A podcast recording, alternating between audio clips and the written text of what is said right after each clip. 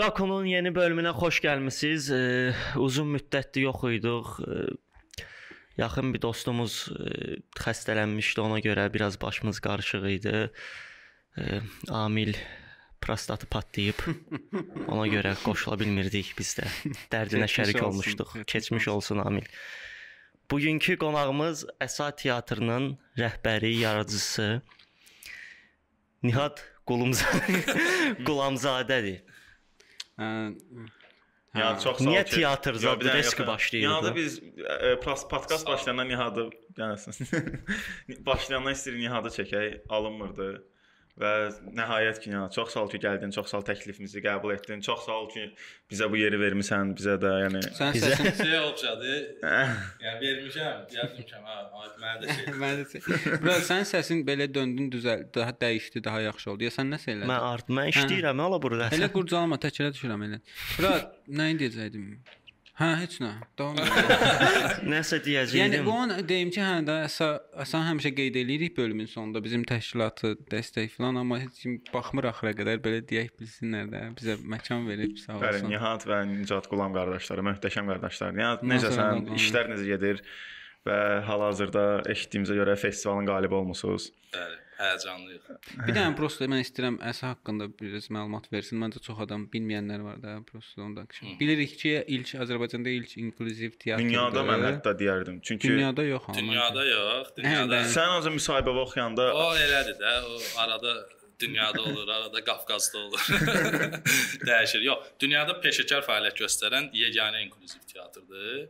İlk də demək olar, çünki bu günə kimi belə deyim də əsanın fəaliyyət xətti kimi peşəkar fəaliyyət göstərən olmayıb. Hətta mən ə, xarici ölkələrdə də olanda bizdə bizdən daha çox inkişaf eləmiş ölkələrdə əsa kimi teatra rast gəlməmişəm. Yəni Yəni nə, nə ilə fərqlənir ki? Nə ilə fərqlənir? Daha çox öz fəaliyyət və dərnək reabilitasiya xarakteri daşıyır həmin teatrlar. Yəni teatr reabilitasiya Yəni deyə bir şey. var. onlar elə Hə, fərq. Hə. ə, daha çox olan teatrlar 90% elədir. Bir növ məsəl üçün biz Azərbaycanda indi sınaqdan keçirdib istəyirik işləyək o işlə bağlı teatral terapiya.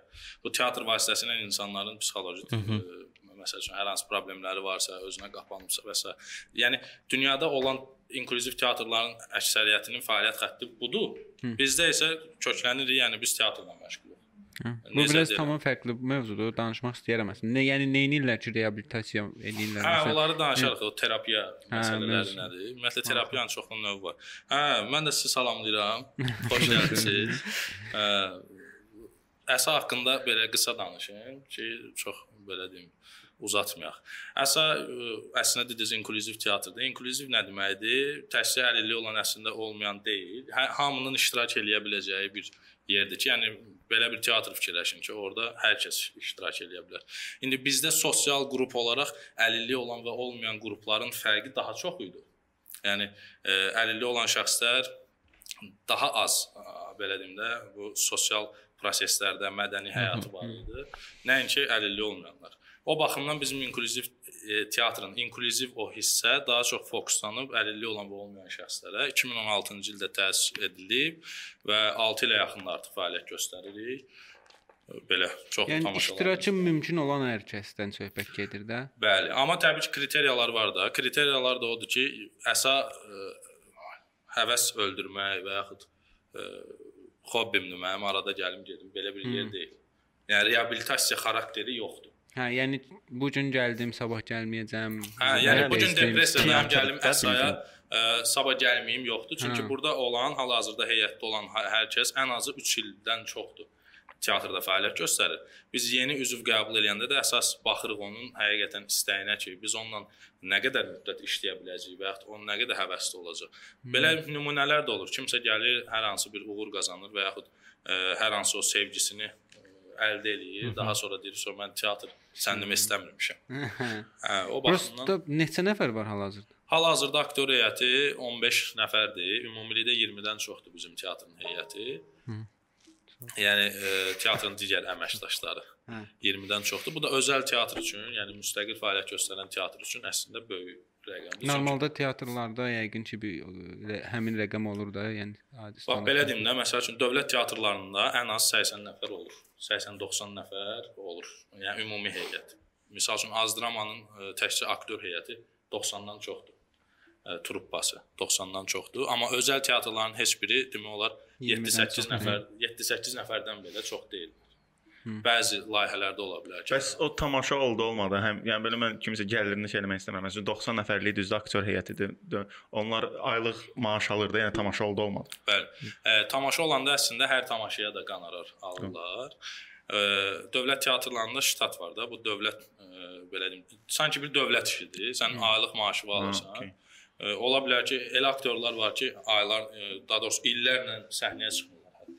Amma teatrın aktyorlarıdır. Burada s- biraz başqa cür yanaşırlar ki, indi istifadə eləmirik həmin aktyordan, amma 2 ildən sonra istifadə eləyəcəyik. İndi bu tamaşada çünki həqiqətən də hər dəfə 90 nəfərlik tamaşa qurmaq mümkün deyil. Amma bunu elə tənzimləmək lazımdır ki, 90 nəfərin hər biri ən azı- Oynasın da. hə, 15 nəfər, 15 nəfər. Məsələn, ildə 3 3 tamaşa hazırlanırsa, onlar da iştirak eləsinlər. Bəs əsaya necə məsəl üçün mən çox görürəm də Nicatda, məsəl üçün Nicat mənim qrup yoldaşımdır, Nihatın qardaşı. Çox deyirlər ki, bəs əsada əsanın aktyor olmaq üçün yəni necə müraciət etmək lazımdır?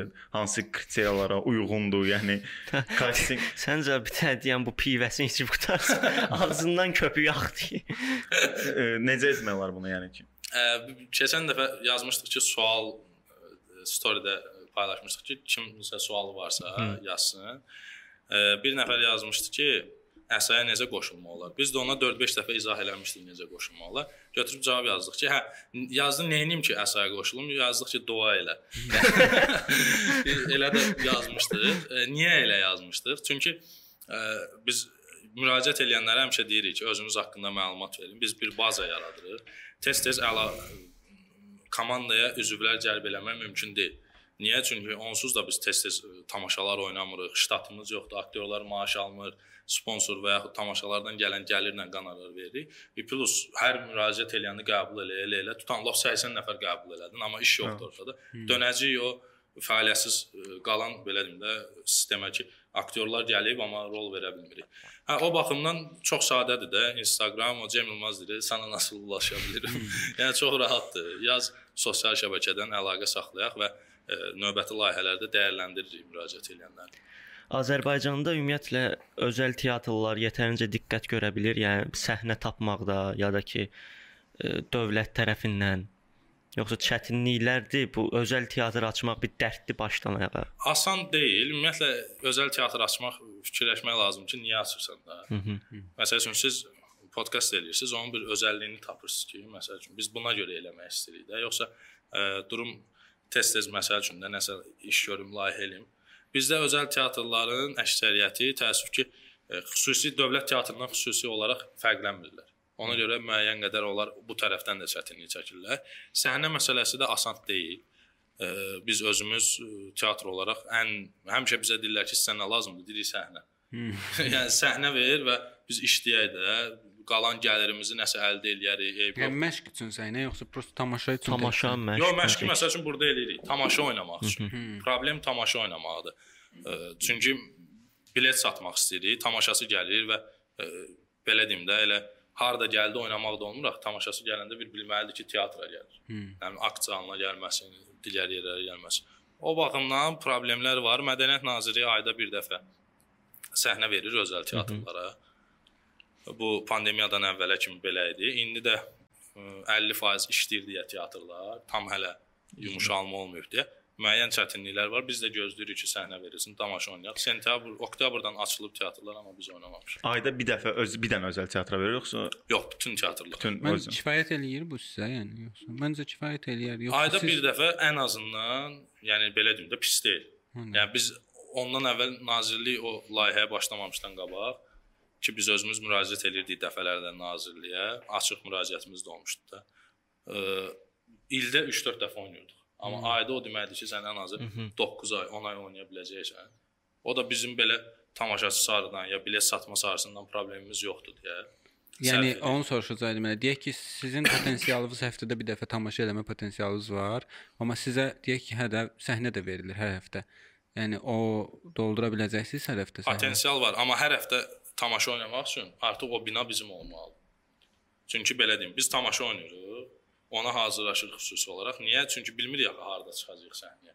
Bilirik belə, amma gedib orada məşq eləməmişik də. musiqisi olsun, işığı olsun.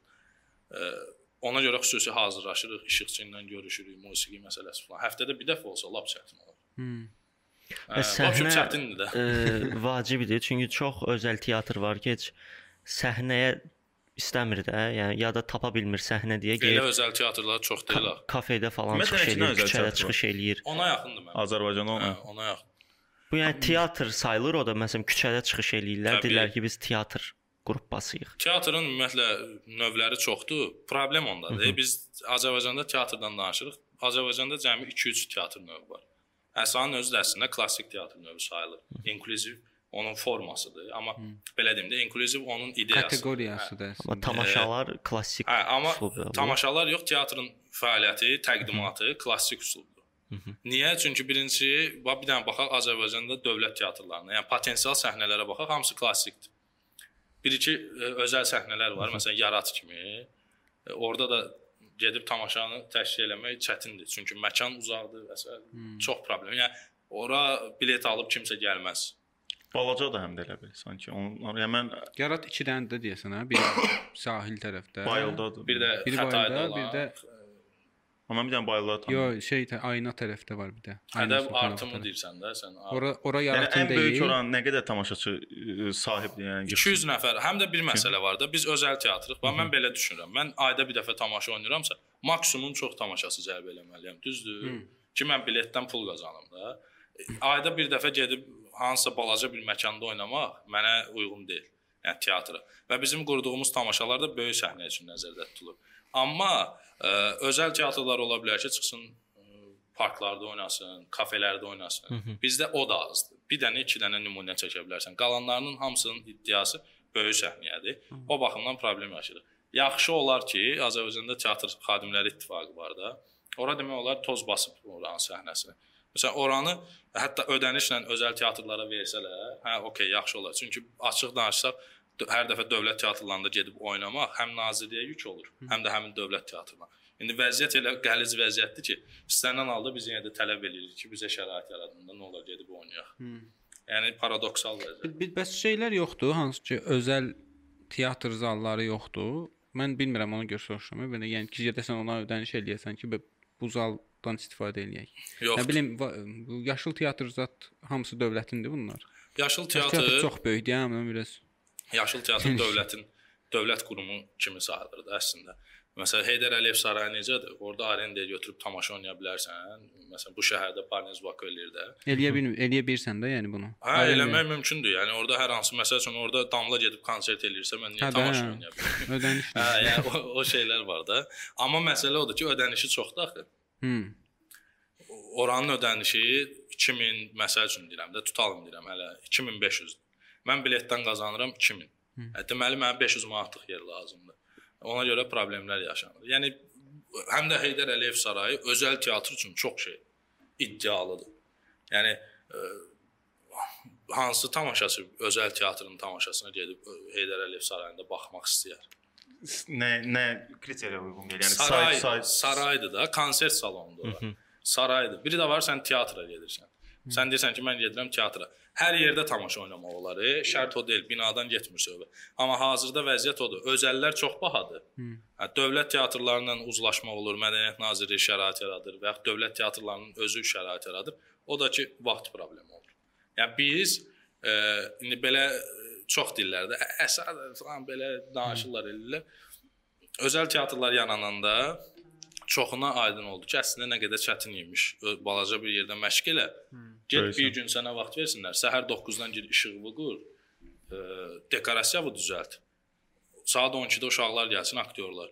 Proqon elə saat 5-də saxla məşqi. 2 saatdan sonra aktyor çıxır tamaşa oynayır. Heç dünyanın yox, e, Azərbaycanın heç bir teatrında belə söhbət yoxdur. Siz eləmisiniz ancaq belə belə bir təcrübə. Biz elə eləyirik də, yəni başqa yolu yoxdur. Bizə bir gün verirlər. Maksimum bəlkə nə, nə vaxtsa 3 gün veriblər. O da xüsusi xahiş və yaxud xüsusi rica ilə. Və səncə Azərbaycanda tamaşaçının diqqəti azalıb teatra qarşı? Məncə, hə, amma burada tamaşaçının şey yoxdur, günahı yoxdur. Tamam teatrın. Məsəl üçün sənin teatra marağın var. Var hə. İldə nə qədər gedirsən teatra? Bir dəfə, iki dəfə. Axırıncı dəfə Deməli yoxdur. getmişdim. Deməli bir dəfə, iki dəfə deməli yox. Bir dəfə iki dəfə mən də gəlirəm. Təklif az daxın ya. Yəni Onu mən də, deyəcəydim. onu Ta- deyirəm. Tamaşaya getdim. Leyli Məcnun idi. Bilmirəm məşqə tuş gəlmişdim, nə idi? Aktyorlar sportivnidə falan çıxmışdı. Başa düşmədim.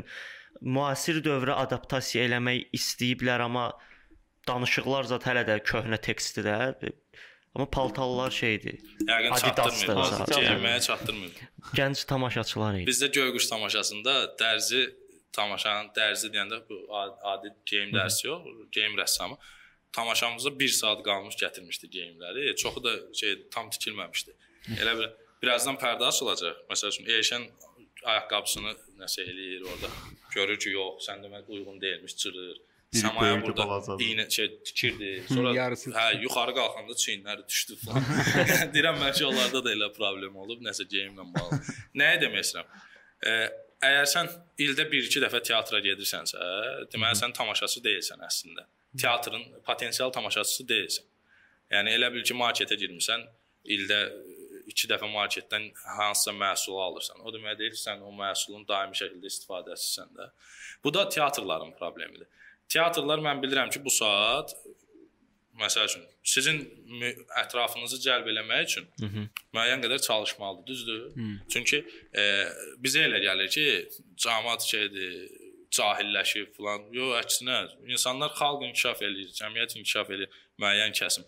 Sadəcə teatrlar həmin kəsimin diqqətini cəlb eləyə bilmir. Hı. Fokuslanırlar cahil e, təbəqə. Amma cahil kütlədə vaxtı yoxdur, gəlib sənin tamaşava baxsın. Çünki e, başqa beynin, başqa belə deyim də, stressin sahibidir.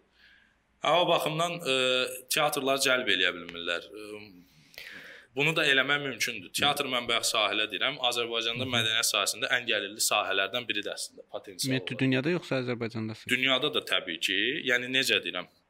Dünyada da, yəni elə teatrlar var ki, onun illik büdcəsinə baxsan nə qədər pullar qazanırlar. Yəni 100 milyon, 200 milyon, 600-700 milyona. ən Biraz da qazanmasa elit- çoxdan məhv olmuşdu da sənə. Əslində elit bir şeydir bir teatr. teatrında, ha. E, Teatr elitdir və teatr çox ə, qazandığı pulla maya bilirsən necə bir dəfə tamaşa hazırladın, tutalım. Ə, o tamaşanı sən illərlə sata bilərsən əslində Ha, da, və hə, çox hə. yerə sata bilərsən. Tutalım deyirəm, bir tamaşaya Qaçdırılma, 50 min pul qoydun. Ə, o tamaşanı sən 100 dəfə satıb 700-800 min pul götürə bilərsən əslində. Hı -hı. Sadəcə olaraq biz hələ ki onu dərk eləməmişik. Biz hələ də elə bilirik ki, teatr dövlətdən daimi şəkildə maliyyə almalıdır. Həmişə dövlət ona dəstək olmalıdır hmm. maddi olaraq. Hə biz də gəlməli, maaş kartımızı salmalıyıq, pul çıxartmalıyıq. Bu saat potensial Boş olaraq səhnəyə oynamaq. Hə, potensial biraz- olaraq bir aktyor, Azərbaycanda 200 aktyor varsa, tutalım deyirəm də, işləyən 200 aktyor varsa, potensial olaraq aylıq bəlkə 8-9 min maaş vermək olar. Layihələr. Biraz dövlət teatrlarının rahatlığı da elə bil ki, onsuz da maaşı alırıq biz. Yəni can atmırlar da nəsə yeni bir şey eləyə ya da ki, ha bu Z generation gəlib bu uşaqlar bütün günü telefonda Məncə dolan qabağına çıxar. eləyər. Yəni onlar da istəyər yəqin ki, prosta nəsə çalışırlar amma da, amma burada burada bir məsələ var. E, Nicat nədə haqlıdır? Sənin aylıq gəlirin varsa, tutanda rahatdırsa 2000, sən artıq e, deyirsən, "Hə, okey də, 2000 manat pul alıram, özümü nəyə yoruram?" Hə başlayırsan xoşuna gələn nəyinsə öz fəaliyyət eləməyə. Yəni özünə xoş gələn işlər. Gələn gələr, yönəlirsən gəlməz, istər istəməz gəlməz başqa istiqamətlər tapırsan da, hobbilər, İndi maraqlar pulunu qazanırsan. Əksəriyyət elə eləmir də. Yəni dövlət teatrları bu saat ona görə müəyyən qədər rahatdır ki, heyəti o qidalandırmır, Sax- maliyyə vermir, saxlamır.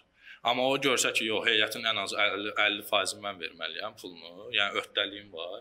Bu adamlar gəliblər, maaş verməliyəm və yaxud hər tamaşadan tutalım da mən onlara qurulan tamaşadan 4000, 5000 pul verməliyəm.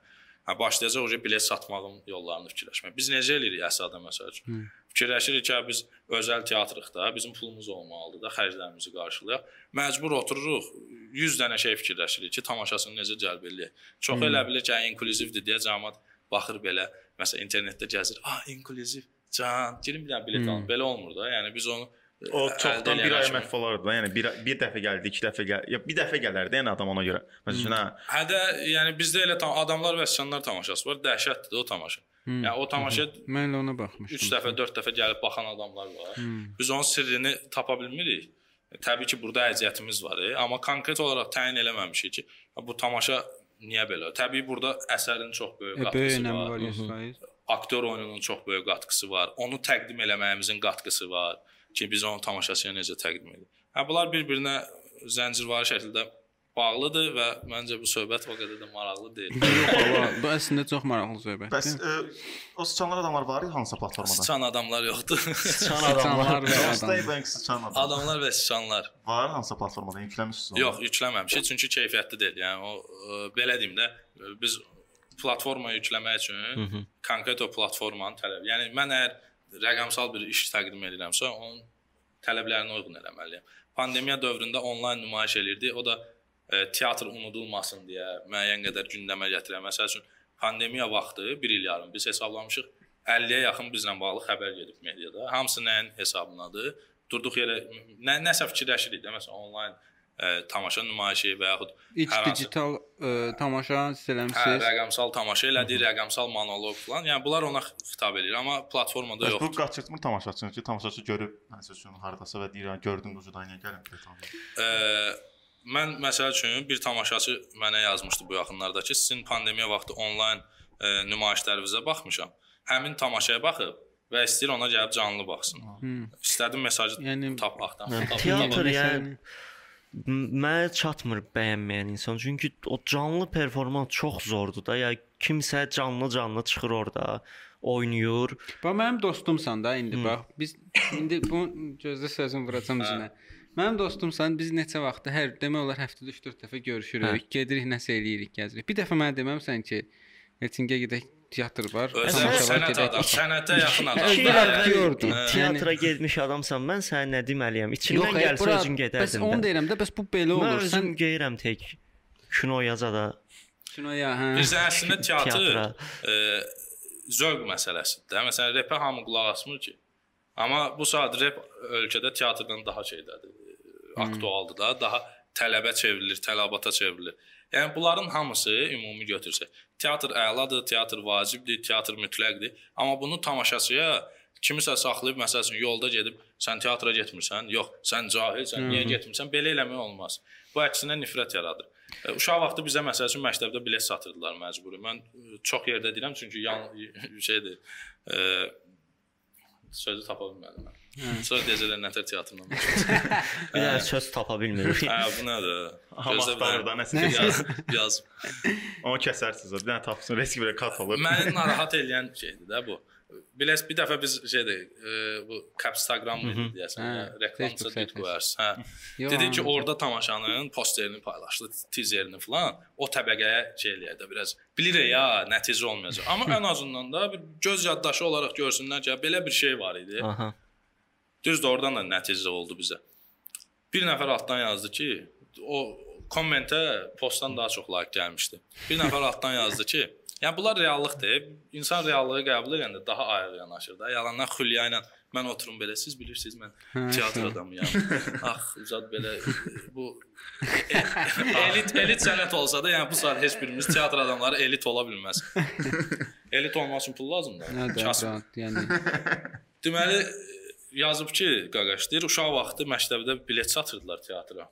Mənim də həmişə atamın pulu olmayan vaxtı müəllim məcbur elirdi ki, 5 manatdır almalısan. Deyirəm şey mən də gəldim atama deyirdim. Almayanda müəllim zəng vururdu ki, "Ə, 5 manat niyə bilet almırsınız? Teatra getsinlər uşaqlar." Bəs teatra getmək lazımdır. Deyir yadımdadır bir dəfə atamın 10 manat pulu var idi. Mhm. Ə, Çıxartdı 5 manatını verdi. Deyir və biz ondan sonra belə çətin bir şey yaşadıq da. Dövr yaşadıq. Yəni indi uşaq travmasıdır da. Yəni bir gün bəlkə çətin, bəlkə atası siqaret ala bilmir və ya nəsə ala bilmir.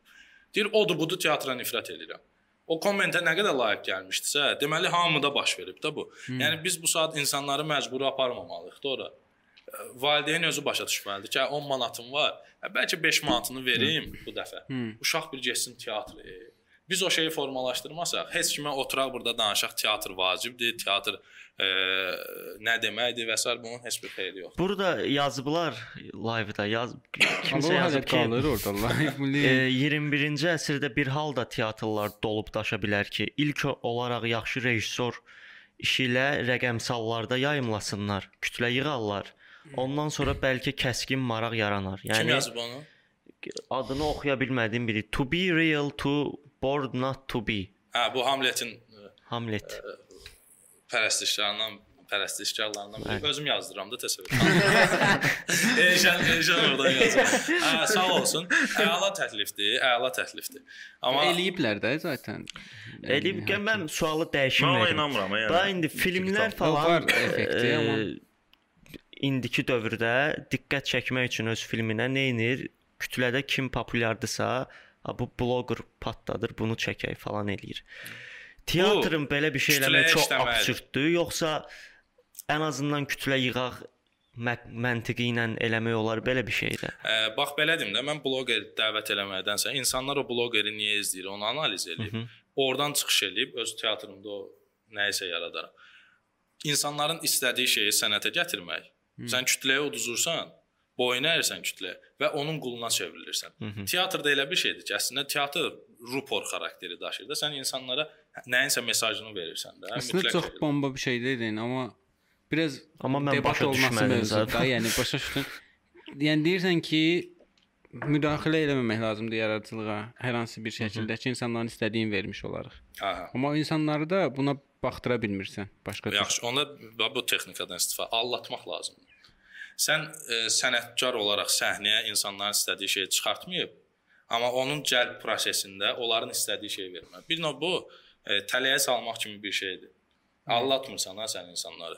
Sən insanların diqqətini cəlb eləyirsən. Necə? Məsələn? Misal üçün də bloqer mənim ruporum ola bilər. Ki mən bu teatra gedim. Bildin? okey. Amma bloqeri mən çıxarda bilmərəm səhnəyə.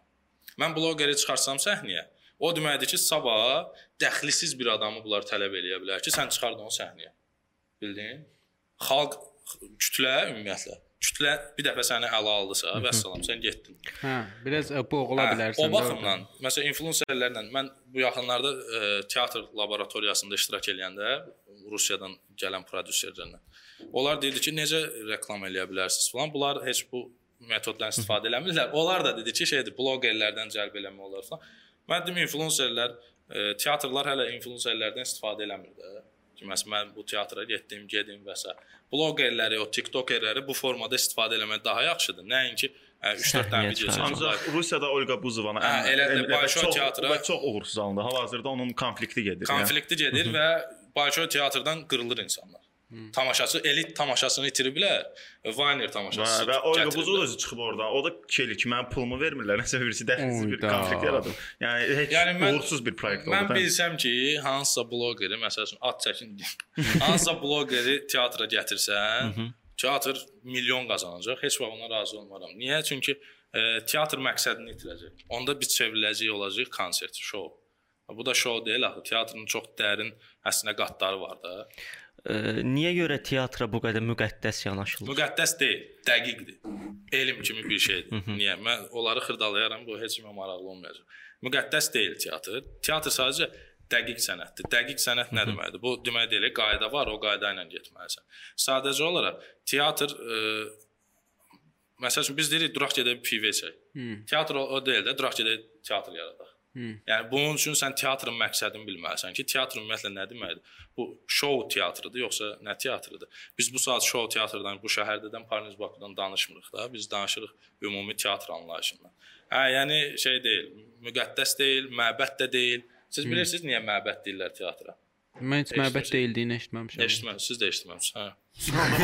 Yox, Niyə mən deyirlər? eşitmişəm belə e, Yəni müqəddəsləşdirirlər, onun hə, səbəbi var. şey yanaşırlar ki, teatra nə bilim hər aktyoru buraxmayaq. Teatr aktyorlarının çoxu da özünü serialda oynayan hər hansı bir aktyordan daha güclü aktyor Yox, sayır. kibirdir. Elə serial aktyorları var ki, e, çox Yeyər. da uğurludur. Hə, çox da uğurludur.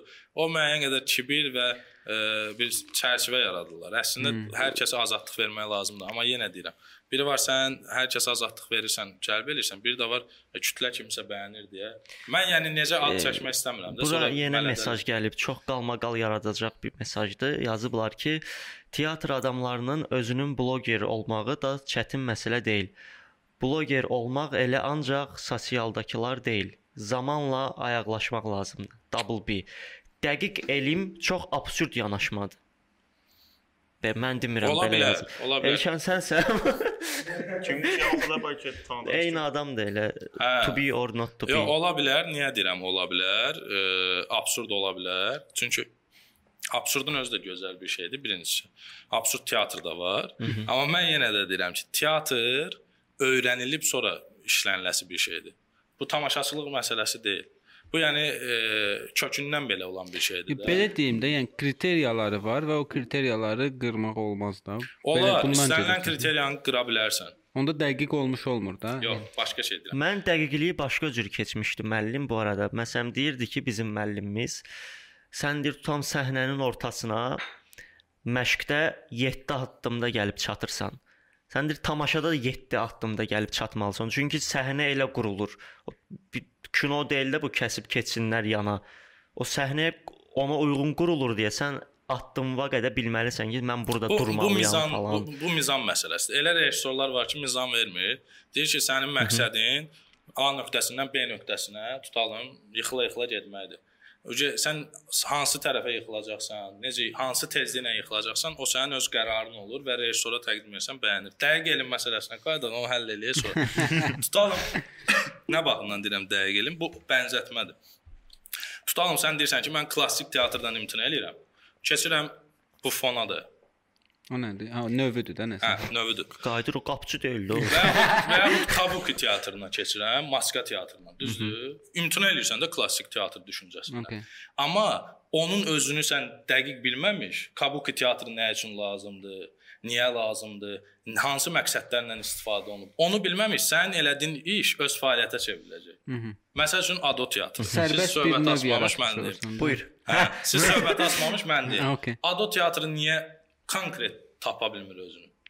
Çünki dəqiqləşdirməyib janrını. 4 nəfər, 5 nəfər baxır. Mən elmin özünə də demişəm o barədə. Bəlkə Özüm də- sərbəst janrdır bunlar da. Hə? Deyil biz. Sərbəst janrın özü də dəqiq olmalıdır. Sən bilməlisən ki, sərbəst janr deyəndə nəyi nəzərdə tutursan. Hər şeydə Şeirdə belə sərbəst Yox, bir O artıq, bir şey var. teatr olmur. Kimsə teatra çevrilə bilmir. Bildin? Teatr o baxımdan müəyyən performans, hər hansı bir performans da elə bil elədir. Bax məsəl üçün e, istənilən əsərdə bədii əsərdə sən götürüb tamaşaya qurursansa, rejissor fikri yaratmalısan. Rejissor fikri yaratmaq üçün də əsərin ideyasını, məqsədini tapmalısan, mövzusunu tapmalısan. Bu mütləqdir. Bu o, sütundur da. Daha sonra sən baxırsan ki, bu əsərin ideyası Hamletin ideyasından danışardım, amma şeydir, əsər ideyası tapmaq çətin şeydir. e, sən fikirləşirsən ki, bu əsərin ideyası nəfs uğrunda mübarizədir. Okay. Məsəl üçün və nəfsinə hakim ola bilməyən insan bədbəxt olacaq. Hı. Düzdür? Daha sən tamaşaçıya təqdim eləyəndə düşünürsən ki, mən ideyanı elə belə təqdim eləyim, tamaşaçıya izah eləyim ki, bax, nəfsivə hakim olmadın və bədbəxt oldun. Yoxsa izah eləyim ki, e, bədbəxt olmaq üçün nəfs nəfsə hakim olmamaq da olar məsəl üçün də. E, başqa şey eləsən də bədbəxt olarsan. Hı. Bu sənin rejissor fikrindir. Nə amma sən tamaşada necə istəyirsən qurursan, düzdür? O fikri verənə kimi. Teatrda belə şeydir. Teatrın mövzusu olmalıdır. İdeyası olmalıdır. Ali məqsəd olmalıdır. Ona görə deyirəm dəqiq. Sən e, o baxımdan heç nə bilməyən adamı gətirib teatra çıxarda bilmərsən. Çünki o sənin ideyaya e, sahib çıxa bilməyəcək. O sənin istədiyin şeyi verə Necə ki bunu belə başa düşdüm. Necə ki biz baxırıq hansısa filmə deyirlər ki, hə bu film deyil. Süjet xətti yoxdur. Ssenari başlanğıcı, sonu şeydir. yoxdur. Ona görə deyirəm ki, dəqiq. Məsəl üçün balta. Balta animasiyadır da, absurd bir şeylər var da, düzdür orada. Amma düşünülən şeylərdir axı. Hı -hı. Baxırsan ki, orada məsəl üçün də gedişatda bu absurd da olsa, bunu rejissor qəsdən qoyub və ya ssenarist qəsdən qoyub. Yəni bu şeylər tutalım, hə, yığılışaq animasiya düzəldək, bu bunu vursun, bu bunu belə olmur. Teatrda belədir. Konkret sənin konkret fikrin, ideyan yoxdursa, istəyirsən sərbəst denən, bu fonada denən, küçə teatrı denən, kamera teatrı denən, nə deyirsən denən, ondan qaçmaq mümkün deyil. Sənin konkret fikrin, ideyan olmalıdır, məqsədin olmalıdır dəqiq. Bir də belə bir şey var, teatr aktyorları ilə bağlı e, çox adam məsələn deyəndə teatra niyə getmirsən? Deyir "A, oradakı aktyorlar çox şirdib oynayır, nə bilim, yekə-yekə oynayırlar. Okay, indi teatr o şey qaydası var. Ən axırdakı tamaşaçı görməlidir sənin mimikabı falan. Amma səncə biraz bu köhnəlməyib bu aktyorluq stili? Yəni tamaşaçı elə bil onsuz da teatra az gəlirdi. Biraz da filmlərdən alışıblar xırda oynamağa. Teatrda da gəlir, görür yekə-yekə aktyorluğu, jestləri. Deyir ki, "Ha, bu nədir? Gülməlidir ki bu." Deməli vaxtda." düzgün teatra getməyib. O zövqünə görə. Məsəl üçün elə e, düşünən insan getməlidir yux teatrına. Məsəl üçün. Məsələn biz əsada o pafosu sındırmışıq. Çox qəribədir. Həm klassik səhnədə oynayırıq. Tamaşa demək olar klassik üslubda qurulub, amma aktyor oyunu elə deyil. Aktyor oyunu sərbəst, amma o sərbəstlik də bəzi kimi müəyyən e, məqamları var da. Yəni elə hamı dağılsın, getsin.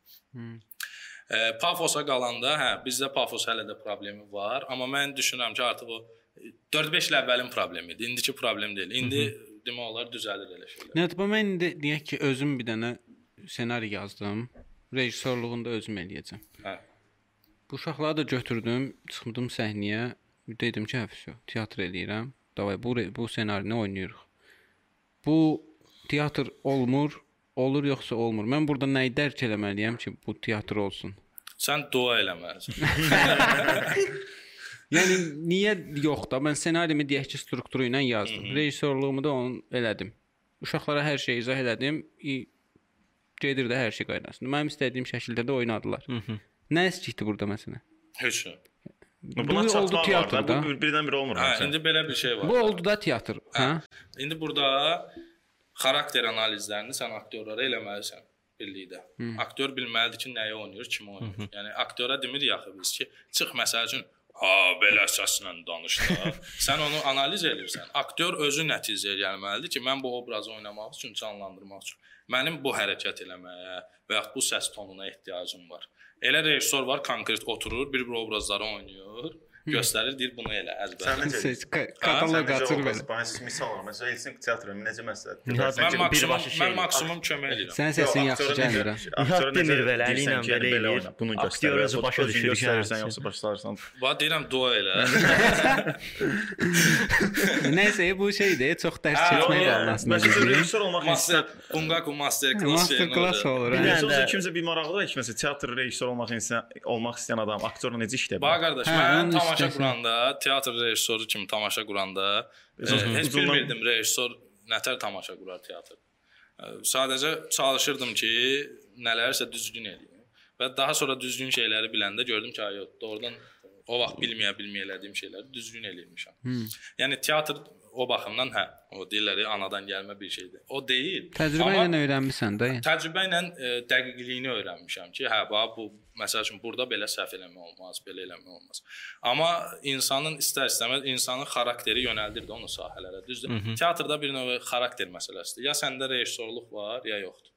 E, a- öyrətmə məsələsi aktyora. Sən sadəcə onunla ilk növbədə danışmalısan, əsəri izah eləməlisən, obrazı izah eləməlisən. Aktyor çətinliyə düşəndə ona kömək eləmək daha yaxşıdır. Nəinki aktyor təsəvvür elə səndən heç bir kömək istəmir. Rolunu oynayır, sən gəlib ona deyirsən, "Ay elə yox, belə oyna." göstərirsən, "Elə oynama, belə oyna." O aktyora imkan verməlisən. Çünki rejissor Burada aktyor deyil. yazıblar ki, teatr teatrda öyrənilir. Bir də uzun bir mesaj gəlib yenə eyni qaqaşdan ya da qızdan Qaqaş, bilmirəm. Məncə xanım Ümumiyyətlə teatrda biraz daha azadlıq vermək lazımdır məncə. Teatrdan danışan insanlarımız elə danışır ki, bu sənətin hər hansı bir sahəsindən özünü yoxlamağa çəkinir insanlar. Yaxşı. İndi azadlıq nədir? O haqqda danışaq. Azadlıq, azad. azadlıq. Hər istədiyini eləmək yox, istəmədiyini eləməmək. E, e, istəmədiyini etməmək. Hmm. Mən azad insanam çünki hər istədiyimi eləyə bilməsəm də, istəmədiyim heç nəyi eləmirəm. Yəni kimsə məcbur eləyir. Mənə kim məcbur eləyə bilər ki, "A biraz azad ol da, biraz hər istədiyimi istəmirəm də qardaş." Bildin bu mən azadam. Mən istəyirəm belə. Kimsə azad olmaq istəyirsə, yəni azadlıq o deməkdir ki, ki, hər şey eləyək, nə istəsə eləyək. Okay, özü bilər. O da onun seçimidir də. Hər kəsin öz seçimi var. Teatra mütləq şəkildə azadlıq verilməlidir. Mən düşünmürəm ki, hal-hazırda teatrda elə bir proses gedir. Kimsə kiminsə azadlığını əlindən alır. Sadəcə olaraq teatrda ə, köhnə ənənə çox böyükdür. Yəni bir 70-80% köhnə ənənədən ibarətdir. Bu Sovet ənənəsi demək olar, ə, klassikanın belə köhnəlmiş ə, bir forması var da. Hə o baxımdan azadlıq deməzdim, yenilik. Yenilik başqa şeydir, azadlıq başqa şeydir. Azadlığın hara gəlib çıxardacağını bilmirik. Amma yenilik bilirik ki, yenilikdir də, yaxşı bir şeydir. Orijinal. Bir də mənə maraqlıdır deyə soruşuram. Bizdə teatrda belə səhnə arxasında istifadə olunan e, şey sözlər var. Məsələn, necə deyim, türklərdən öyrənmişdim. Məs aktyor səhnəyə çıxıb görəndə ki, nəsə zarafat eləyirlər, tamaşaçı gülmür də komediya tamaşasında. Deyir kulisə gəlib şey deyirdi, tamaşaçı yapondur. Hamı bilirdi ki, həm bunlar gülmür və şeydilər də, düzdür yağıblar. Belə buna nə dedilər? Bu söz termin ad- yadımdan çıxdı. Rasizm. Peşəyə aid şeylər. Slang sözlər də. slang sözlər, hə. Slang sözlər. Teatrda işlədən. Slang sabahdan məşq eləyəndə uşaqlar slang sözlərlə bağlı danışır. Elə tamaşaçılar bizdə olub, görmüşük. Məsələn, bizdə bir tamaşa olub, o rəsmi dəvətlər daha çox idi. Tamaşada o qədər zarafatlar var idi də və bir zarafat, iki zarafat görür reaksiya zəifdir. O 2 həftədən sonra biz açıq nümayiş elədik, ictimai nümayişdə. Yəni tamaşaçılar bilet alıb gəlirdi və orada elə dəhşət, yəni gözləmədiyimiz zarafatlara gülürdülər də, yəni gözləmədiyimiz şeylərə. Yəni olur belə hallar da olur. Sizdə- Bu sualı niyə verdim bilmirəm. Teatrda da- yəni aldı. Şey maraqlı idi, o slang sözlər maraqlı idi. Hə, onu öyrənmək istəyirəm. Yox, Yoxdur bizdə, Yəni yəni. niyə yoxdur? Amma tamaşaçı ilə bağlı deyil, daha çox proseslə bağlıdır. Hə. Yəni ona bax tamaşaçı yapanda belə şey. Sizdə olmuşdu adamlar və siçanlar şey tamaşasında aktyor adı yadımdan çıxıb, serialda da çəkilir. Birdən nə, nəsə hesablayırdı. Çevrildi, çevrildi tamaşaçılar qayıtdı. Oradan bu rəqəm eləyir, ya hamı güldü. Niyaz, niyazı Hə. deyirsən, hə. Və bu məncə planlaşdırılmamış bir şey şeydir. düzdür? eşitmişdim. Çox üzr istəyirəm, araya girəm. Bu bunun kimi bir hadisədir. Fuad Polodov tamaşada gəlib belə ön sıra qabağında Su məsələsi, səhnə- hə. Gö- əlini yuyurmuş belə asta-asta falan üzünə su vurub falan. Riski belə suyu atıb tamaşaçıya təbii. Heç nə yox deyə hav şey su- havanı belə su kimi atıb. Deyilənə görə ilk 4 sıra çəkilib dara dala. Necə real oynayıbsa, Məncə bu refleks, İnandırıb. kiməsə tamaşaçı gəl belə düşünəcəkdi. Yox. Yox, Yox. biraz da var. Biraz inandırmaq məsələ. Əgər orada həmin momentdə inandırmasaydı ki, bunun əlində su yoxdur, prosta etud eləyir, bildin? Yəni o, tamaşaçı bilsəydi ki, bunun əlində heç nə yoxdur, təbii reaksiya zəif bir birinci sıra olacaq. Fuad Poladovun bir e, tamaşası var, videosu da var YouTube-da. Monoloqunu səsləndirib çıxacaq səhnəyə, səhnədən rus dilində. Birdən bir dənə rus şey, rus nə idi? Birdən bir dənə pişik gəlir. Birdən bir pişik gəlir, çıxır səhnəyə və gəlir ayağının yanına belə. Təbii ki, bu pişiyə kim rejissor demirsə, çıxarsan belə olmur. Hə, o çox qəşəng götürür, tamaşaçıya deyir daxil bə adam ağlı. Başlayır pişiklə danışmağa. Pişiyi sığallaya sığallaya sözlərini deyir, atır pişiyi belə. Yaxşı yola salır da, yəni get. Sanki bir azadlıq verdi pişiyə. Hə, elə aktyorlarımız Sizdə- var, amma izazə ver əsa ilə bağlı Buyurun, sual buyurun. danışaq. Orada yəni Allah gözlənilən- Fatih Poladova rəhmət eləsin. Bəli. Allah ölənlərimiz. Rest in peace. E, gözlənilmədən olmuşdu. Yəni yoxsa planlaşdırılmışdı o şey. Yox, gözlənilmədən olmuşdu, çünki yadıma gəlmir. Ya tamaşaçılar güldü və elə bir birinci, dördüncü divarı qırmaq kimi bir şey oldu da. Yəni bir Oradan teatrda da o 4-cü divar Ha, qırmaq. birinci orada olub da. Yəni Birinci teatr- teatrdan başladı. Hə. Hə, dördüncü divar anlayışı birinci teatrdan başladı. Bizdə çox olur tamaşaçı ilə Bir də sizdə it Nicat mən vaxt danışmışdı ki, it doğrudan başlamışdı hansanda hürməyə doğrudan. hürməyə, ağlamağa, pati bizim sevimli itimiz. Biz ona axıra kimi sahib çıxa bilmədik. Heyf, yaxşı mənada. E, tamaşa gedir. Yaxşı çıxmır bu deməyim, ona görə demirəm. Burada elədir ki, it öldürülməlidir də. Yəni bə istənilmir həmin məkanda. Elə Artıq- adamlar və insanlar da Hə, hə. ha. A- şey it həqiqi idi də, yəni. Mən oradaydım. Yo. O tamaşaya baxmışam yəni. Onun ağ it var idi bir dənə. Ağ deyildi. Ağ it var idi. Yo, Mən yadımda öldürmüşdü. səs. O ağı ondan Bir qalıb. dənə it, it var idi orada amma. Tamaşada it Hə, öldürürsən. tamaşada bir it öldürür. Hə, it itlər bizim ürəyimizdir. Bir də hə Hə, söhbətdə bir sual gəlir onu deyəcəm. aktyor, şey, aktyor gəlir ki, Kandi o iti öldürmək lazımdır. İt başladı ulamağa da. Yəni hürmür də, ağlayırdı da elə bir. Belə indi o səsi çıxartmıram. Yaxşı deyil. Ha, elə başa düşdü ki, yəni bu səhnədəyəm və oynamalıyam. Əslində bu möcüzəsi. İt səhnə tozunu Mən bu utdu arada da. eşitmişəm aktyor itlər var ha, yəni. Aktyor itlər var. Yəni itlərə Garip Kont Allah rəhmət eləsin. Adamdılar amma itlər bu itlərə aktyor it kimi. itlərə bunu öyrətmək olur. Belə bir şey itlərə var. əgər şey oğru tutmağı öyrətmək olursa, Ha, yəni itə yemək ver, nə istəsə öyrədirsən. Seriallarda çəkilən itlərin bəziləri, yəni bu təlimini alıblar. Kolumbiyada danışır. Bariqa şey meymunlar var. Nə danışırsan sən ya? Bax bu da ideyadır da. Bizə baxan gənclər gedib itlərlə bağlı teatr yarada bilərlər. Hmm. Məsələn, Onlar itlərə konsert Hə. verən var ölkədə teatr niyə eləməsinlər? Bəli, maraqlı Hə, fikir oldu. Nizam sən sual belə gəlib sualları, sən burdan deyir. konfliktli suallar e, verirsən, ləzzət edir. Çərkəz soruşub. Aha. Qonağınızdan soruşa bilərsinizmi ki, nə vaxtsa bütün oturacaqların dolduğu bir tamaşa görüb son illərdə? O o qədər Əsada.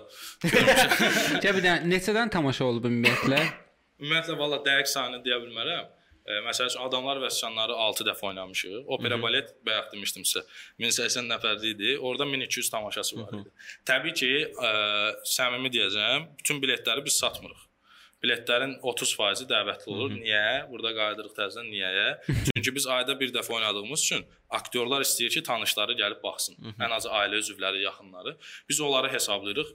10 14 dənə aktyor varsa, hərəsinə 3 dənə dəvətnamə verəndə gəlir eləyir 50-60.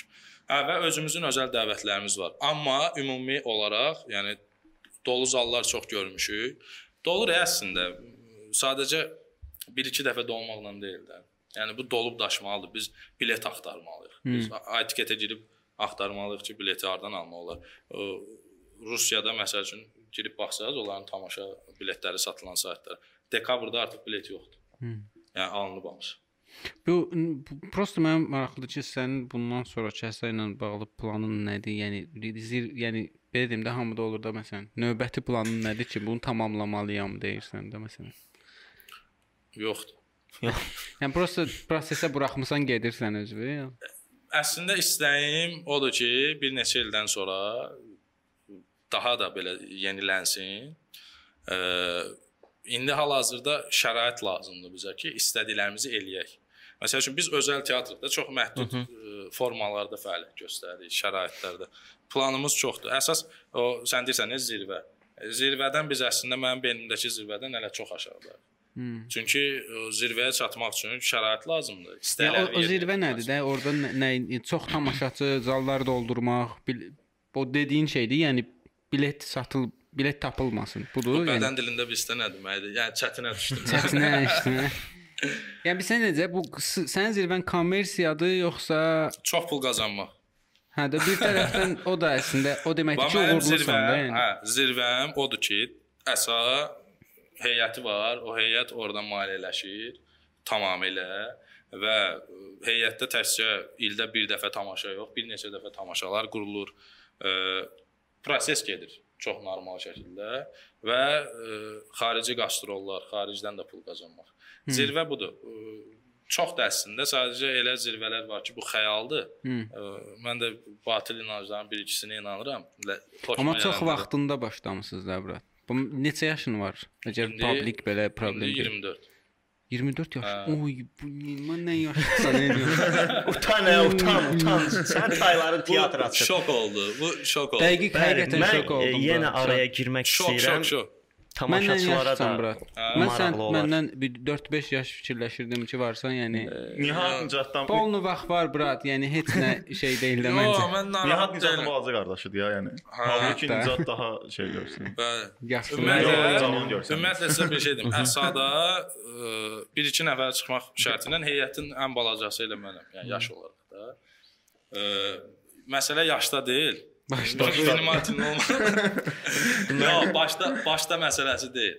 Mən ümumiyyətlə çox erkən yaşdan başlamışam sektora və e, ələ baxa-baxa öyrənmişəm də nələrsə. Mən fikirləşirəm ki, onlar mənə kömək eləyir və təbii ki, komanda, məsələn, Nicatın olmağı, Elşənin olmağı, Səmayədir, bütün uşaqlar da bizdə əsada olan. Mən əsadan çox şey öyrənmişəm. O bayaq kim idisə yazan ki, teatr e, insana elə teatrı özü öyrənməlisən. Hə, məsəl üçün e, mən universitetə universitetə çox sonralar girmişəm. Fəaliyyətə başlayandan 6-7 il sonra universitetə daxil olmuşam. Hələ də oxuyuram. Yəni bu həqiqətlər də var. Bunları danmaq lazımdır. Mədəniyyət incəsənət haqqında danışmaq istərdim. Yəni necə mən sən- istəmirəm aram dəyə beləyərsən Allah. qoy. Yox, məncə hal-hazırda incəsənət universiteti zordur. Zordur.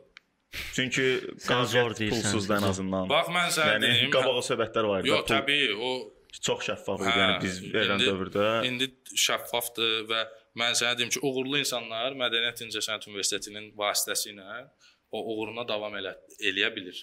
Mən şəxsən universitetdə universitetdə olmayanda belə düşünmürdüm. Biraz fərqli düşüncədəydim. Təbii ki, universitetin çoxlu problemləri var və mən əminəm ki, o problemlərdən xəbərdardırlar. Sadəcə həll eləmək görünür müəyyən qədər zaman istəyir. Mən universitetə kimsə deyir ki, "A, orada təhsil öyrətmirlər, falan eləmirlər." Ola bilər kimsə öyrənməyib. Mən şəxsən universitetdən də bəhrələnmişəm. Kim istəyirsə bəhrələnmək, dartıb istənilən halda alır da. Və Necəsə ən azından network qazana Bir də bilərsən. Necəsə çox üzr istəyirəm, çox vacib bir sual gəlib burada.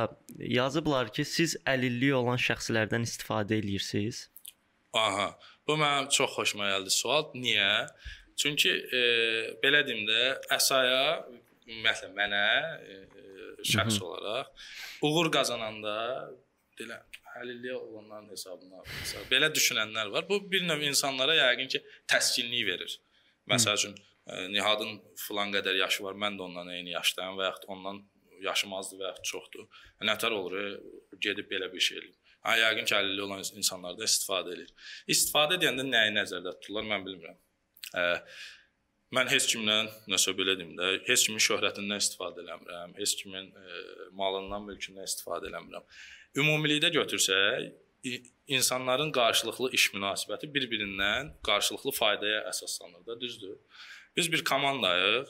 O komandada mən olmasam, başqası gəlib o mənim yerimə keçə bilər. Eyni ilə də istənilən komandanın istənilən üzvü olmasa, onu əvəz eləmək, dəyişmək mümkündür. Hə, yəni bu sualı çox verirlər. Əslində mənim xoşuma gəldi. İlk dəfə kiminsə üzümə verir. Kimi o bayaq Nicat idi yazan sual. hə, yəni e, burada e, mən başa düşməm sadəcə istifadə deyəndə nə nəzərdə tutulur da. Bilirsən necə? Yəni məsələn insanların sən bayaq dediyin mövzu var. İnsanlar düşünür ki, hə, 50 olan şəxslərdir. Bunlara maraq göstərək ki, həvəsdən düşməsinlər. Onların da düşünürlər ki, onların da tutunduğu bir e, sahədir. Və biz- bilirsən necə insanların bəlkə də yazığı gəlir çox. Bax, Bu bilmirəm, yəni mən necə nə qədər düzgündür falan, amma bu həqiqətdir də. Düzgün Dəqiq, vurğuladınız, Oradan şey. Dəqiq. Ha necə? Ya dəqiq deyirsən, niyə? Mən indi izah edim. Bayaq da dedim, e, çox fikirləşir ki, hə, bəs şeydir, baxır, ay Allah, gedə bilet Hə. Ha belə deyil axı. Burada çoxlu faktorlar var. Ciddi faktorlar var, yəni bilet satışında. Biz adi tutan deyə sosial şəbəkəyə xərclədiyimiz pulu göstərsək, sən deyərsən axmaqsınız, bu pulla mən başqa şey eləyərdim məsəl üçün də. E, dollarla da axı çox gedir. Ha bu faiz zadı var. Var, göstərərəm. Bəlkə bir 10 min dollara yaxındır, hə? Mən demişdim Olar. bir dəfə. Hə, yəni kifayət qədər pul xərcləyirik də reklam məsələsinə. Burada məsələ belədir. Azərbaycanda baxsaq kifayət qədər inklüziv əslində fəaliyyətlər var. Və onları niyə o qədər diqqətdə deyil? Məsələn nə necədir? Nə var məsələn? Məsəl üçün rəqs qrupları var, hətta alternativ indi inklüziv teatrlar Mən yaranır. məlumatım. var. Alternativ inklüziv teatrlar yaranır, alternativ qruplar yaranır incəsənət sahəsi ilə bağlı. Bəs onlar niyə? Özdə bir şeydir, bizdə inklüziv 50 olan və olmayandır və girib tutam Instagrama baxsan və yaxud Facebooka da təqdimat məsələsinə görə bilmərsən ki, biz 50 olanları vermişik qabağa. Məsəl üçün bizə bilet alın və sair bu tipdə və yaxud heç yerdə görə bilmərsiniz ki, kimsə deyir ki, Nihat savab qazanır. Çünki mən onun qarşısını alıram. Nə savabı ki, biz iş görürük. Bu işdir, qarşılıqlı mən Hə, inklüziv odur ki, bərabər yanaşıram Mən da. Yəni mən ona yanaşıram. Yəni mən burada savab nəsə iş görmürəm. Yəni gördüyüm işin savab tərəfini falan fikirləşmirəm və mənə görə açıq deyim. Mən e, əgər kimsə mənə savab, savab qazanarsan deyəndə mən e, komandamı belə necə deyim? Yəni zəif onlardan istifadə eləmiş olursan, necə elə yəni.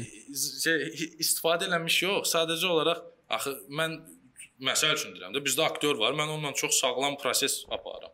Nətər ola bilər ki, mən onun vasitəsilə savab qazanım. Hmm. Sənlə mən söhbət edirik, təsəvvür iş görürük.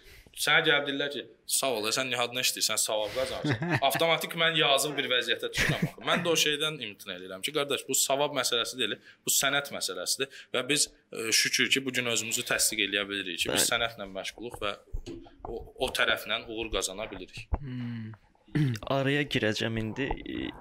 İcazənizlə veriliş bir 54 dəqiqədir danışırıq. Biraz yekunlaşdırıb fasilə verib davam eləyərik. E, tamaşaçılar üçün məlumat olsun deyə demək istəyirəm. Deməli, teatr e, Atinada miladdan əvvəl 534-cü ildə yaranıb. Göstərmə deməkdir. O vaxt Aristotel üçlü sistem gətirib. Zaman, məkan, hadisə. Daha sonra vaxt keçdikdən sonra William Shakespeare və o vaxtlar hələ o Aristotelin dövründə dini mövzular siz bilə daha yaxşı Wikipediyan bilərsiniz. bağla, Yox, Wikipediyan Din- bağla. hər- şey bağlıdır səncə. Dini mövzularda tamaşalar oynanılırdı. Daha və e, saray cəmaatına tamaşaları sən bilməzsən. Mən bilmirəm. Saray cəmaatına tamaşalar oynanırdı. Sonra William Shakespeare gəldi. Bu dini mövzular falan azaldı elə. Bunu niyə danışıram? Filmdə belə bir şey var. Gənclər filmə gəlməzdən əvvəl deyirlər ki, mən Tarkovski olmaq istəyirəm. Kimsə baxır deyir, mən Nuri Bilge Ceylan olmaq istəyirəm. Teatrda belə bir anlayış var. Yəni mən kimsə olmaq, mən Shakespeare olacağam deyib gəlirlər, yoxsa teatr azaddır, teatrın fərqli bir yolu var.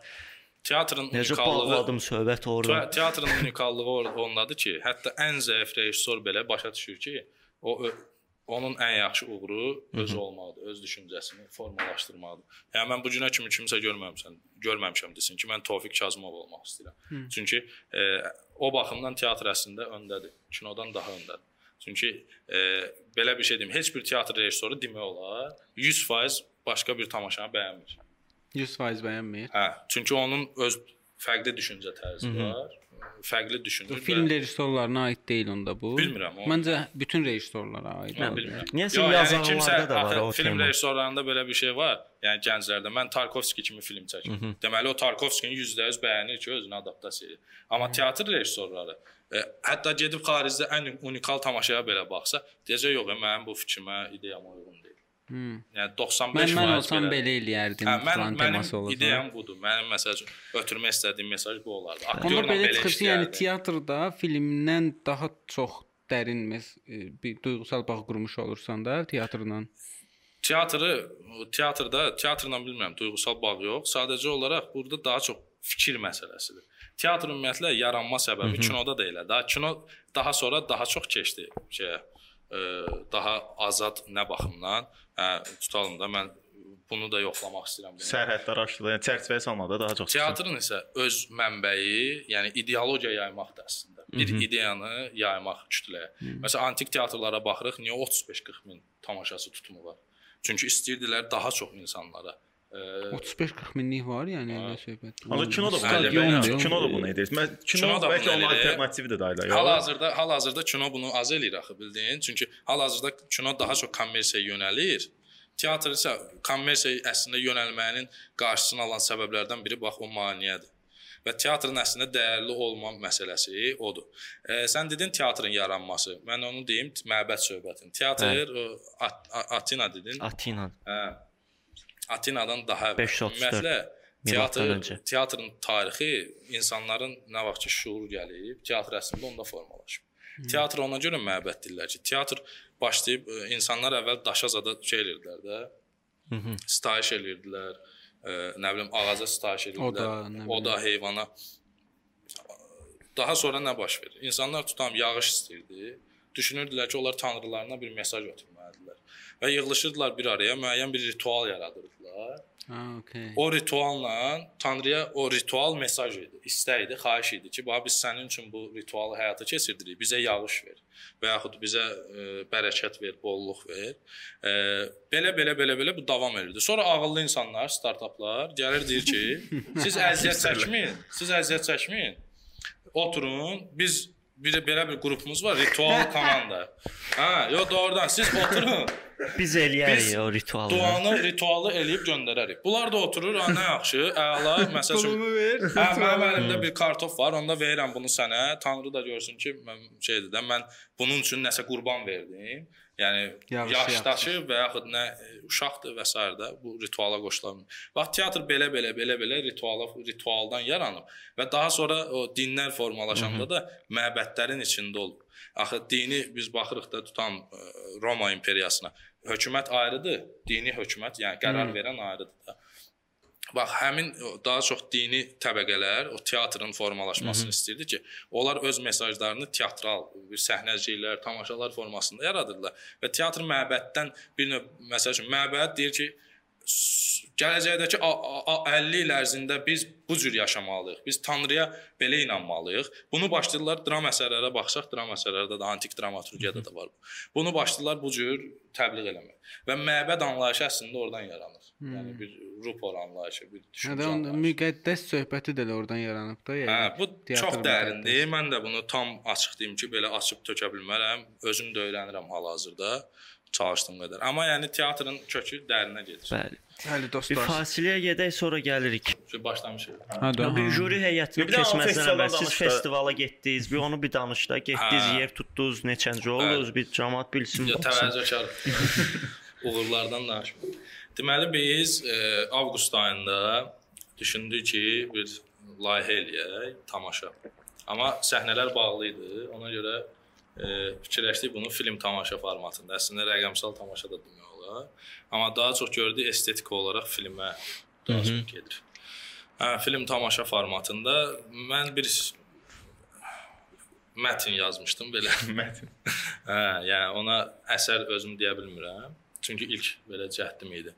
Bir mətn yazmışdım və Nicata dedim ki, bəlkə bunu ə, maliyyəmizə ayıraq çəkək, həm də zəfər gününə belə deyim, həsr eləyək də, yəni bu 44 günlük müharibəyə həsr eləyək. Çünki fikirləşirəm ki, lazımdır. Lazım yox, vacibdir ki, biz ə, istənilən dünya ə, tarixinə nəzər salsaq, incəsənət tarixinə müharibələr mütləq şəkildə öz təsirini göstərir. Hmm. Yəni göstərib inkişafa aparır və yaxud ə, əksinə. Bu baxımdan biz də bu qələbəyə düşünürdük ki, teatr olaraq necə yanaşa bilərik? Yəni bu müharibə mövzusuna ümumiyyətlə. Və biz artıq başlayanda prosesə mən başladım o mətni formalaşdırmağa, müəyyən PS form formasına gətirməyə. Mədəniyyət Nazirliyi və Teatro Sənət portalı 4-də 4.4 ə, qısa tamaşalar festivalı elədi. Biz də düşünmüşdük ki, 25 dəqiqə, 30 dəqiqə olsun tamaşa. Amma bu festivalın müddəti daha az idi. Elə fikirləşdik ki, həm layihə formasında işləyirik, həm də festivala göndərək özümüzü yoxlayaq. Çünki bizim üçün nə vacib idi burada? Bizim ilk dəfə belə bir şans yaranmışdı ki, biz özümüzü, yəni orada dövlət teatrları iştirak edir, digər özəl teatrlar və fərdi sənətçilər iştirak edir. Biz özümüzü bir növ yoxlayaq, ə, dəyərləndirməyə buraxaq da özümüzü. Artıq biri var, tamaşaçı bəyənir tamaşanı. Bizdə bu günə kimi tamaşaçılardan təbii ki, olub, bəyənməyən tamaşaçılar da olub, daha yaxşısını gözləyən tamaşaçılar da olub. Amma nisbət yəni nis nisbi e, yanaşsaq belə deyim, daha çox bəyənilib tamaşalarımız. Amma bizə lazım idi ki, indi buraxaq belə bir təsəvvür elə. E, yarışmadır da, festival məntiqi nədir? Sən əslində yarışırsan. Buraxaq və görək bizim biz hansı səviyyədəyik də, necə iş görə bilirik. Və qonşu film tamaşası, mən mövzusunu danışım, sonra festivalı təzədən qayıdaram. Qonşu film tamaşasının mövzusu belədir. Mən ilk gündən fikirləşirdim ki, əgər bundan sonra film və yaxud tamaşa olacaqsa, biz müharibəni birbaşa göstərməməliyik, savaşı. Çünki nə baş verdi? Müasir dövrdə yaşayırıq da. Biz müharibəni canlı şahidi olduq demək olar. Hmm. Videolar çəkildi. E, istər qələbə ruhunda olan videolar, istər məsəl üçün şəhidlərimizin e, dəfn mərasimində olan, yəni acı e, həqiqətləri biz gördük ki, biz şəhidlər də vermişik, insanlar, ailələr ə, buna görə əzab çəkir. Hər həm də xalqın zəfərini görmüşdük, döyüşləri, kimlər necə, igidlər necə döyüşüb. İndi biz necə onu film kimi çəkə bilərik? Biz axı reallığı görüb tamaşaçı Hı. və xalq reallığı görüb. Mən onu necə imitasiya eləyə bilərəm? İmitasiya eləsəm uğursuzdur. Bu baxımdan Daha mən təsirli necə Hə, eləyə bilərəm? daha təsirli və daha ə, sənət üçün daha dəqiq. Yəni mən müharibəni göstərmək üçün gərək artıq bu müharibəni bizim görmüşük axı hər şeyi. Ə, İkinci Dünya müharibəsini göstərmək daha rahatdır, çünki onu heç kim görməmişdi demək olar. Hı. Bir-iki fotolar vardı, amma burada biz açıq-aydın hər şeyi görürdük, irəliləməyimizi, qə- qələbəmizi və yaxud digər şeylər. Mən keçən il ə, noyabrda hələ döyüşlər gedən vaxtı Tərtərə gedirdik, Nicatın sənədi filmi ilə bağlı. Ə, ora gedəndə bizim e- evləri görürdüm mən Tərtərdə, necə bombalanıb eləyir və ailələrlə danışırdıq ki, nə hisslər yaşayırlar. Mənə maraqlı oldu. Həmin məqamda bir ideya gəldi mənə. Görəsən bu dəqiqə, bu saniyə qarşı tərəf nə yaşayır? Hansı hisslər yaşayır? Və fikirləşdim ki, bunu daha sonra təbii ki, həmin momentdə fikirləşib çıxıb demədim də, so tamaşa qururam. Bu beynimdə daha məndə narahat eləyirdi ki, düşmən tərəf bilir ki, axı biz irəliləyən tərəfi, onlar Uduzan hə, tərəf. uduzan tərəfdə. Yəni sən oturmusan hər an Azərbaycanlı əsgərlər gəlir. Həmin an onlar nə hisslər keçirdir. Və qonşu belə, qonşunun ideyası belə ərsəyə gəldi. Mən daha sonra onun üzərində işlədim. Əsərdə tamaşada ə, biz erməni ailəsini görürük. Erməni ailəsinin yaşadığı evdir və o ev əslində Azərbaycanlılara məxsusdur. Burada ə, müharibənin motivi ə, ümumiyyətlə müharibənin bütün yükü iki ailənin üzərindədir. Azərbaycanlı və erməni ailəsi. Hı. Ona görə də əsərin adı qonşudur. Bir-birinə qonşu. Bunlar əvvəl qonşu olublar, daha sonra birinci və mən e, bu Bundan sonra çox- onların evin evinə köçüb Hə, yəni onlar şey olur. ə, hə? onların evində, Azərbaycanlı ailənin evində yaşayır. Mənim xo xoşuma gələn burada ən vacib detal, indi öz işim kimi tərifləmirəm. Sadəcə detal kimi bəyəndiyim şey o idi ki, məni ruhlandıran istənilən bir əsər oxuyanda biz onun mənbəsini fikirləşirik də. Məsəl üçün Hamlet oxuyanda deyir ya, bu nətər oldu, bunun atasını öldürdülər görəsən falan təsəvvür yaranır. Hə, spoiler verdin hemen. Olmamışsa Hamletdən spoiler verdin. Hə. ə, Yəni mənbə bizi şey eləyir də, fikirləşdirir ki, daha çox mən belə düşünürəm. Mənə düşündürür ki, görəsən nə baş vermişdi ki, indi bu hekayə yaranır. Hı. Və mənim o detal xoşuma gəlirdi, ruhlandırırdı ki, 1-ci Qarabağ müharibəsini ə, mənbə kimi götürmüşdük biz ki, hal-hazırda göstərdiyimiz ailə 1-ci Qarabağ müharibəsindən sonra bura gəlib və onların konflikti 1-ci Qarabağ müharibəsində baş verib. Hı. Və biz o konflikti əslində birincidə olan konflikti ikinci ilə həll eləyirik. E, belə bir şeydir. Və bu mistik realizmdir əslində. Mən mistik e, realizmi daha çox sevirəm. Bu niyə təzadlı bir şeydir? Həm mistikadır, həm realizmdir. Realist yanaşma var. Belə bir şeydir. Yəni biz erməni ailəsinin oturub yemək yeyir və qəfildən müharibə xəbəri gəlir Hı. və oğlanları Gedir. çağırılır döyüşə və orada ananın oğluna belə deyim qarşı münasibəti var ki, sən getməməlisən, mən səni qoymayacağam, amma gəlib məcbur aparırlar və ata ilə ana arasında artıq konflikt yaranır e, erməni ailədə. Və daha sonra hadisələr inkişaf edir. Biz bilirik ki, bunlar bura necə gəliblər, bunların Azərbaycanlı qonşuları necə insan olub. Ümumilikdə götürsək, Hmm. Erməni xisləti ilə Azərbaycanın mərhəməti e, hansı ki biz e, dostcanlıyıq və s. həmişə bağışlamağı sevirik xalq olaraq. Bu əslində mən düşünürəm ki, müəyyən qədər zəif cəhətdir və tamaşanın ideyası da odur ki, bu dəfə bağışlama, yəni ayıq ol. Mən müharibə tərəfdarı deyiləm, qətiyyən deyiləm müharibə tərəfdarı. Amma hal-hazırdakı dövrdə biz Azərbaycanda yaşayırıqsa necə deyirlər, e, texnologiyaya uyğun şey eləyin. Texnologiyaya uyğun mən e, müasir dövrə uyğun getməliyəmsə, deməli e, bu şəraitə də uyğunlaşmalıyam da bu ölkəyə. Çünki mən burada oturub fransızlar üçün tamaşa qurmuram da, Azərbaycanlılar üçün tamaşa qururam. Hərçənd fransızlar üçün də qursam kosmopolit yanaşmazdım indiki mərhələdə. E, mən düşünürdüm pasifist yanaşmaq olmaz. Amma tamaşada qan, döyüş, nə bilim kimsə kimsə vurdu və s. bu da olmamalıdır. Mənə görə e, yaxşı, maraqlı bir yanaşma idi bu ki, ona görə elədim. Yoxsa Burada prosta Eləməz. sən maraqlıdır ki, oradakı erməni ailəyə düşmən kimi yanaşıb onlara nəsə O, o- şey yükləmisən, yoxsa prosta həqiqətən real Şeydir yanaşmısan? yox mən e, İncə xəttdə elə bil yəni Damız bu yana getsən, o dəqiqə cəmaət səhv də başa düşə bilər. Yəni düz o xəttin üstü ilə getməlisən ki, hansı ki onlar da məsələn də olmasın. insandır, acı çəkir. Yəni övladı gedir Hı hı. deyək ki, təbii ki İndi haqlı, haqsız onu qoyuruq Biz orada ananın e, gücünü də göstərmişik ki, ana necə oğlu üçün mübarizə aparır. E, oğlunun olmaması anaya nələr yaşadır. Hı. Yəni insani tərəfdən, yəni biz erməni ailəsini belə deyil də. Belə vəhşi kimi deyil. Çox normal, çox Hı. E, yəni o burada hər Ki bunu hansı eləmək biraz da biraz da şey eləyir də, yəni Yəni sənəti yəni şey elə bir istifadə edib sənəti bu qədər də şey eləmək olmaz da. Sadəcə olaraq biz, məsəl üçün bizdə nə ləhcədən istifadə eləməmişik, nə tutalım e, çox getməmişik erməni dilində danışaq. Bizdə varaq erməniləri vəhşi kimi göstərirlər, belə qorxunc insan kimi göstərirlər. E, yaxşı Aydın Talcızadan bir yaxşı söz var, karikatur kimi göstərirlər. Hı. Bizdə elə deyil. Hadisə baş verir, onların münasibəti də hadisəyə və çox adekvat münasibətləri var əslində. Sadəcə olaraq sonda tamaşanın finalı elədi ki, o final e, mümkün deyil ki, o finalı başqa cür eləyəsən. Çünki reallıq budur. Yəni onların bizə qarşı münasibəti budur və mən sadəcə onların münasibətini necə var da, ortada onsuz da fakt var. Yəni Yəni necə əlavə onları şeydir, nə bilim, gəlsin şey eləsin, e, söyüş söysün dəqiqədə dəqiqə başı və yaxud siz belə, siz belə belə şeylər yoxdur. Hı. Və ümumi tamaşa iki ailə üzərindədir. Və hansı ki bu iki ailə əvvəllər çox yaxın dost olublar. Hı. Yəni qonşu olublar da. E, Cəfər Cabbarın 1905-ci ildə əsəri var. Onu mən tövsiyə edirəm hamı oxusun. E, orada da əslində belə bir mübahisəli bir məsələ var da. İki nəfər e, e, bir-birini tanıyan insan ailədir. Qız qız erməni qızla Azərbaycanlı oğlan bir-birini sevir. Hı. Uşaqlıqdan bir yerdə keçirdiblər vaxtlarını və orada müharibə yox, sadəcə bir çaxnaşma baş verir klanlar, tərəflər arasında belə deyim, qruplar arasında çaxnaşma baş verir. Burada isə mövzu fərqlidir. Ə, belə bir şeydir. Mən çox danışmaq istəmirəm bundan bağlı, çünki O, fikirləşirəm. Bu olacaq da yəqin ki, hə, təqdimatını eləyəcəyik. Bunun təqdimatını eləyəcəyik. Hə, mən düşünürdüm ki, pasifist və kosmopolit yanaşma lazım deyil və dünən dünən yox, sıra gün daha doğrusu, ayın 16-sı. E, tarixlə danışmıyorum çünki bu nə vaxt yayımlanacaq hələ dəqiq deyil. Ayın 16-sı bizə konkret olaraq göstərdi ki, həqiqətən də bu saat rahatlaşıb belə yox biz sülh tərəfdarıyıq, biz ermənilərlə dostlaşacağıq falan hələ bunun vaxtı deyil. Yəni biz bundan insanları, xalqı, məsələn biz bunu təbliğ eləsək, insanları tamam yanlış yönləndirə bilərik.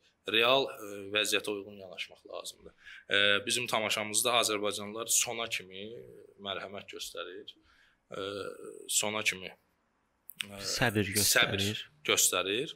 Amma nəticə necə olur, onu artıq baxmaq düşməni yaxşı tanımaq lazımdır. İndi çıxıb tamaşa qursan ki, "Hə, ermənilər pisdir, pisdir."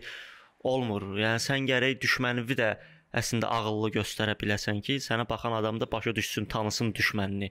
Təbii ki. Çünki şahmat oyununa fikirləşsək, heç vaxt qabağındakı rəqibi sən bu məndən zəifdir deyib uda bilməzsən. Əksinə o məndən güclü addım ata bilər düşünüb oynamalısan. Məsələn bizdə bu xüs- xüsusi təyinatlı əsgərlər ən çox ondan gileylənirdi ki, müharibədə olmayan adamlar erməniləri belə təqdim edirdi. Hə, bu, dəfə çox zəifdilər. Bu dəfə elə deyil. Əslində biz güclüyük. Onlar da çalışırdı, onlar Yox, da biz bu dəfə güclüyük. Biz güclüyük. Yəni zəif biz zəifləri məğlub eləməmişik. Sadəcə olaraq biz güclüydük deyə qalib olduq. Bizim gücümüz daha çox.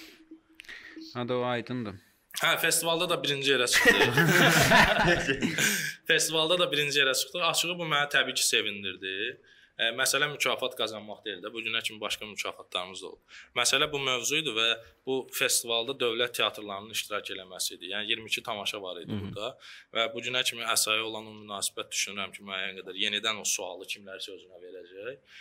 E, ki, məsəl üçün hə, inklüzivdir deyə baxılır, inklüzivdir deyə Qalib qazanır. Halbuki orada çox sərt yanaşma vardı. Yəni jürilər çox dəqiq yanaşırdılar məsələlərə və mən sevindim ki, gör göstərdiyimiz iş bəyənildi və ən yaxşı tərəf o idi ki, digər teatrlar, dövlət teatrlarda olsun, özəl teatrlarda olsun, onlar da bəyənmişdilər və heç kim demədi ki, ay yox, mən Yəni layiq olan qazan. Hətta sizə maraqlı bir şey deyim, biz tamaşanı verməmişdik. Bütün teatrlardan əməkdaşları gəlib dedi, 100% siz udacaqsınız. Niyə? Hə? Biz Niyə? ən sondaydıq. Hə. Ən sonda. Ə, əslində bu məni narahat edirdi ki, daha insanlar yorulacaq.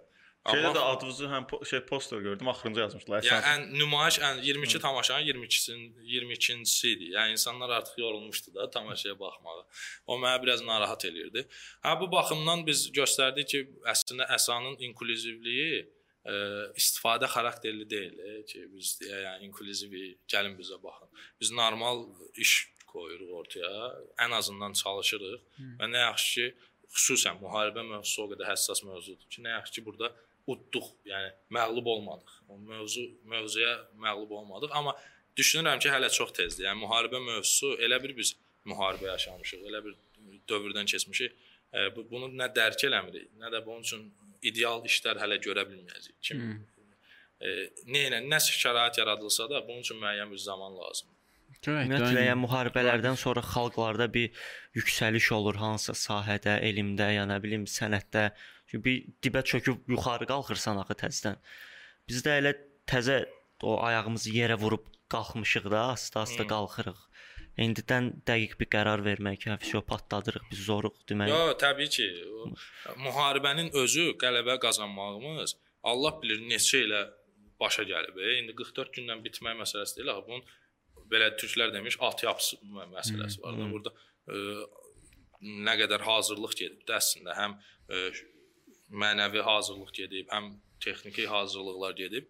Sənət də elə biz hələ hazır, hələ cəhdlər eləyəcəyik, eləyəcəyik, eləyəcəyik. Bir də nə vaxtsa başa düşəcəyik ki, oy da biz 2020-ci ilin müharibəsini indi başa düşdük. İndi təqdim edə Bəs bu kino kimi çəkilmiş də Dogville kimi bir belə deyək. Dogville çox iddialıdır. Tiryerin. Hə, biz onu 2 günə çəkmişik.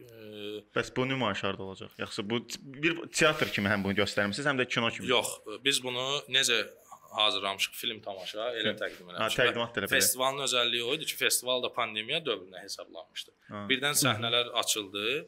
Amma artıq hamı işini e, digital e, Ham bütün formada e, hamısı belə göstərir. Hə, hə, hamısı, yəni ekranda biz baxırdıq. E, biz bunu istəyirik tamaşa kimi eləmək, amma bunun üçün vaxt lazımdır. E, Bir şey soruşacağam. O biri qruplarda, teatrlarda sizin kimi belə e, film kimi də, Hə, yəni səhnə-səhnə çəkib qoymuşdu, yoxsa statik kamera? E, eləsi var idi. E, indi bizim kimi deyəndə eləsi var idi ki, e, statik idi, eləsi var idi bölmüşdü planlara. Yəni bilinirdi ki, Ya bir bunlar- nəfəsə bunlar bizə maraqlı olan şeylərdir. Yəni Sizə mən. trier kimi idi də ondan başqa yoxsa? Hə, müəyyən qədər elə idi, amma o yenə deyirəm, o ə, ideal, gözəl bir şeydir.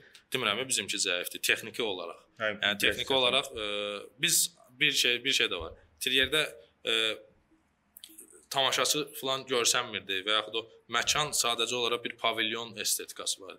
Bizdə isə teatr səhnəsindədir və əslində baxanda e, sanki biz baxanda e, tamaşaçı kreslosunda oturmuş kimi baxırıq da ona. Və sonda da aktyorlar baş əyir, paklona çıxır və s. İndi bu nümunə yox idi ölkədə. Hə, Biz də özümüzdən uydurub belə bir nümunə yaratdıq. Növbəti dəfə biləcəyik ki, nələr səhvdir, nələr. Kinoda bacararsan sən də, yəni kino yoxsa tamam fərqlidir. Ya mən teatr Nəyi bacararam? Yəni teatr rejissorunun rus ə, Konstantin Bagomovdur. Say- Ya deyirdi ki, kino ol təcrübəsi olub, deyir, yəni çox fərqlidir. Yəni mən deyir, hal-hazırda kinonu öyrənirəm. Teatrı bilirəm, ancaq kinonu öyrənirəm. Mən kino çəkərəm, amma sual odur ki, yaxşı çəkərəm yoxsa pis. yəni o məsələ var. O da e, düşünürəm ki, indi Onu da buraxmısan Nicata. O, o, Bəs bu tamaşa kimi yenə eləmək fikriniz var? Yəni kino tamaşa Hə, çəkmək, çünki paylaşmaq. maraqlı gəldi açığı bizə. Proses özü maraqlı gəldi və çox çətin gəldi əslində. Yəni ə, aktyorların istər oyunu olsun, istər o, o sən səhnədə məsələn biz onu evdə çəksəydik, otaq idi da, bir dənə otaq idi. Daha rahat olacaqdı. Amma sən teatr estetikasında quruluş vermirsən buna. Yəni məşqlər eləmişik, teatr kimi, tamaşa kimi hazırlamışıq. Daha sonra başlayırsan film estetikası ilə bunu çəkib tamaşaçıya təqdim edirəm. Orda bir patlama yaşayırsan da belə beynin bir, bir qəlbdən başqa bir qəlbə Hə, salırsan hə, da. qa- qalırsan belə ki, ha, bu dəqiqə nəsə düz getmir deyəsən, nəsə və yaxud yanlışdır. Yəni biraz yəni dediyim kimi nümunə yoxdur deyə çətin gəlir adama. Quruluşda rejissor da özün idi. Hə? bəli. Ha, okey. Ssenari quruluşu. Ssenari və quruluşçu. Oskar almasam da. Teatr tamaşaçısı necə olmalıdır bəs? Belə e, şeylər var, nə bilim, teatra paltoda gedərlər, teatra kostyum geyinib Bax, getmək yenə bir lazımdır məsələ var. kimi. Opera baletə qəşəng geyinib gedərlər. Yəni opera baletə sən girəndə oranın bir dress kodu var da. Elə teatrlarda var ki, brain kod var. Yəni sənin şey düşüncən o olmalıdır. da. Yəni səni məcbur eləyir ki, sən e, əgər sənin düşüncə tərzin o teatra uyğun deyilsə, sən olsa bir dəfə gedəndən sonra ikinci dəfə gedə bilməyəcəksən ora. Teatrda bunu qəsdən eləyir ki, mənə belə düşüncəli insanlar yox, belə düşüncəli insanlar lazımdır. Mən onlarla kontakt təmiz söhbət. Hə, bunlar estetikadır. Yəni kim kimsə deyə bilməz ki, mən teatra istəmirəm palto ilə gedim. E, və s- tutan deyirəm, sən yux teatrına kostyum geyinib, smoking və yaxud geyinib palto ilə getsən, sənə baxıb güləcəklər. Amma opera baletə getsən, hə deyəcəklər yox, bu adam bilir də hara gəlir. Yəni tamaşaçı ilk növbədə bilməlidir hara gedir. Onu o nə ilə qarşılaşacaq. E, Bunu bilməlidir. İndi bizdə bu bilinmirsə, yenə də teatrların problemidir. Mən bütün o yükü tamaşaçıdan götürüb problem e, teatra ona görə yükləyirəm ki, tamaşa göstərmədən belə maarifləndirmə olar da sosial şəbəkələrlə, həyat video Tərzivi, tərzivi Hə göstərə də yəni Ya da gəlirlər hələ də telefonu səssiz almaq falan. Filmdə eləyirlər, teatrda çox vaxt fikir vermirlər belə şey.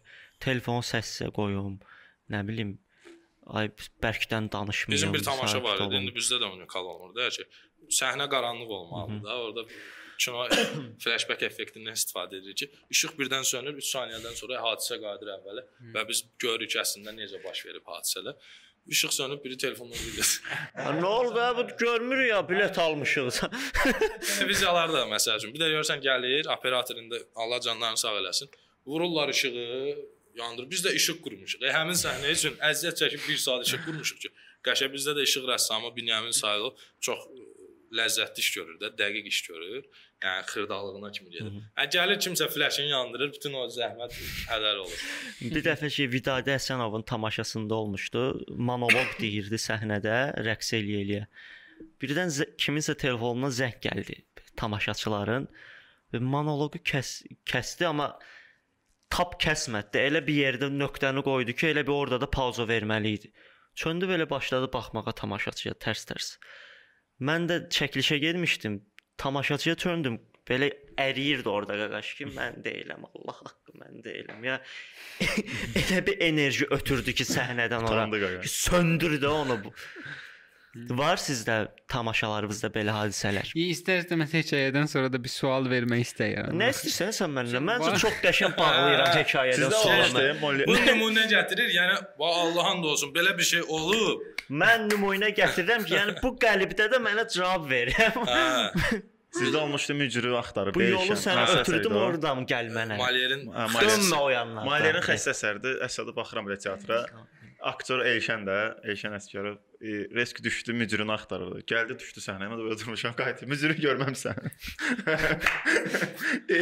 Və sahil sənətə gəldi həmin gün. Möhtəşəmdir.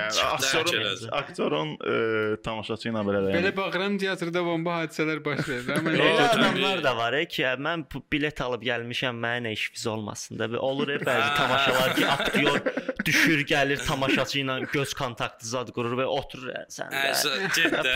Pul Olur, olur. Biz bizim özümüzdə də olur. Eləmə, mən yox, Hə. mən yox, Yox, seçmə və məni. insanlar, insanlar gör, hərə bir xarakterdir də. Bu- Ona görə sən desən, tamaşası nətər olmalıdır. Elə şey olur, tamaşa belə ola. Ya o hə, insanlar özü şeydir, formalaşdırır.